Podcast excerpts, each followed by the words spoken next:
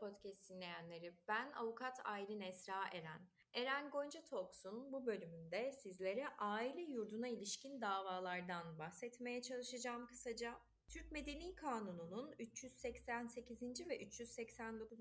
madde hükümlerinde aile yurdu kurulmasında usul ve şekil düzenleme konusu yapılmıştır. Aile yurduna ilişkin davalar 5 ana başlık altında toplanmaktadır. Bunlardan birincisi aile yurdu kurulması davası, ikincisi kan hısımlarının aile yurduna alınmasına izin davası, üçüncüsü aile yurdunu yönetmek için yönetici atanması davası, dördüncüsü aile yurdu şerhinin terkini davası, beşincisi ise aile yurduna son verilmesine ilişkin davalar. Peki nedir aile yurdu kurulması davası? İlk önce bundan bahsedelim kısaca dilerseniz. Aile yurdu haline getirilen taşınmazlar devrolunamayıp rehin edilemeyeceği gibi kiraya da verilemeyeceğinden ve ayrıca mahkeme eliyle yönetim hali saklı kalmak kaydıyla cebri icra yoluna da başvurulamayacağından bu taşınmazlar üzerindeki tasarruf hakkı sınırlandırılmış olmaktadır. Bu nedenle aile yurdunun kuruluşundan önce mahkemece yapılan ilanla bazı kişiler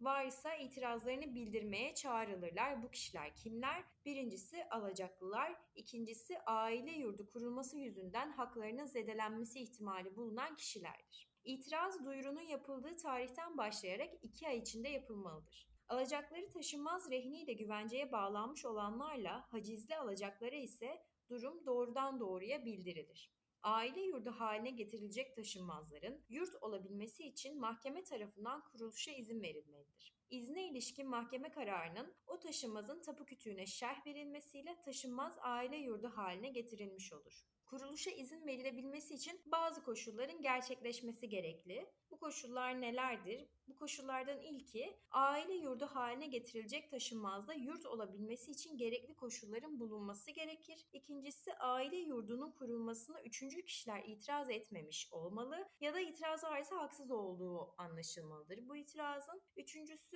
süresi içinde itiraz eden alacaklıların ilgilerinin kesildiği kanıtlanmış olmalıdır. Dördüncüsü taşınmaz üzerinde bulunan rehin ve hacizler kaldırılmış olmalıdır. Borç itiraz eden veya rehinli alacaklı vadeye bağlı olsa bile aile yurdu kurmak isteyen borçlu hemen ödemede bulunabilir. Aile yurdu haline getirilecek taşınmazların yurt olabilmesi için mahkeme tarafından verilen kuruluşa izin kararının o taşınmazın tapu kütüğüne şerh verilmesiyle taşınmaz aile yurdu haline getirilmiş olur. Ayrıca bu husus mahkeme tarafından da ilan edilir. Peki ikinci başlığımız neydi? Kan hısımlarının aile yurduna alınmasına izin davası. Kısaca bundan bahsedelim ne demekmiş? Mahkeme tarafından malikin kan hısımlarının aile yurduna alınabilmesi için bazı koşulların gerçekleşmiş olması gerekmektedir. İki tane koşul sıralamış Medeni Kanun burada. Bunlardan ilki malikin üst soyunun, alt soyunun ve kardeşlerinin yoksulluğu sebebiyle aile yurduna alınmaya ihtiyaçları bulunmalıdır. İkincisi bu kişilerin aile yurduna kabullerine engel olacak olarak manevi ve ahlaki yönden sakıncalı halleri bulunmamalıdır der Türk Medeni Kanunu madde 392.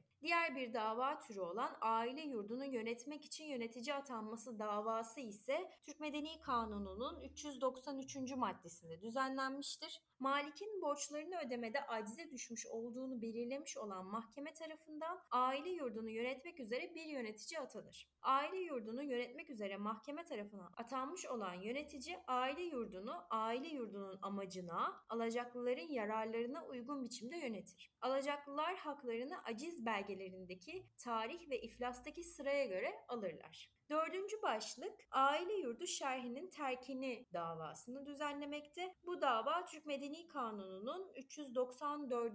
maddesinde hükme bağlanmış. Malik'in ölümünden sonra kural olarak aile yurdu sona erer. Ancak Malik tarafından aile yurduna konu olan taşınmazın mirasçılara yurt olarak geçmesine ilişkin bir ölüme bağlı tasarruf yapılarak aile yurdunun sürdürülmesi yani sona ermemesi sağlanabilir. Malik öldüğünde Malik tarafından aile yurduna konu olan taşınmaza ilişkin böyle bir tasarruf bulunmuyorsa aile yurdu doğal olarak sona ermiş olacağından tapu kütüğündeki aile yurduna ilişkin verilmiş şerh de silinmelidir. Son dava türü ise aile yurduna son verilmesine ilişkin davalar Bu davalarda Türk Medeni Kanunu'nun 395. maddesinde hükme bağlanmış. Malik sağlığında da aile yurduna son verebilir der madde hükmü. Malik'in sağlığında aile yurdunun sona erdirilmesi için bazı işlemlerin tamamlanmış olması gerekmekteymiş. Bunlardan ilki Malik bir dilekçeyle mahkemeye başvurur. Başvurusunda tapu kütüğündeki aile yurdu şerhinin silinmesini talep eder der. Malik'in bu istemi başvuruda bulunan mahkeme tarafından ilan olunur. İlan tarihinden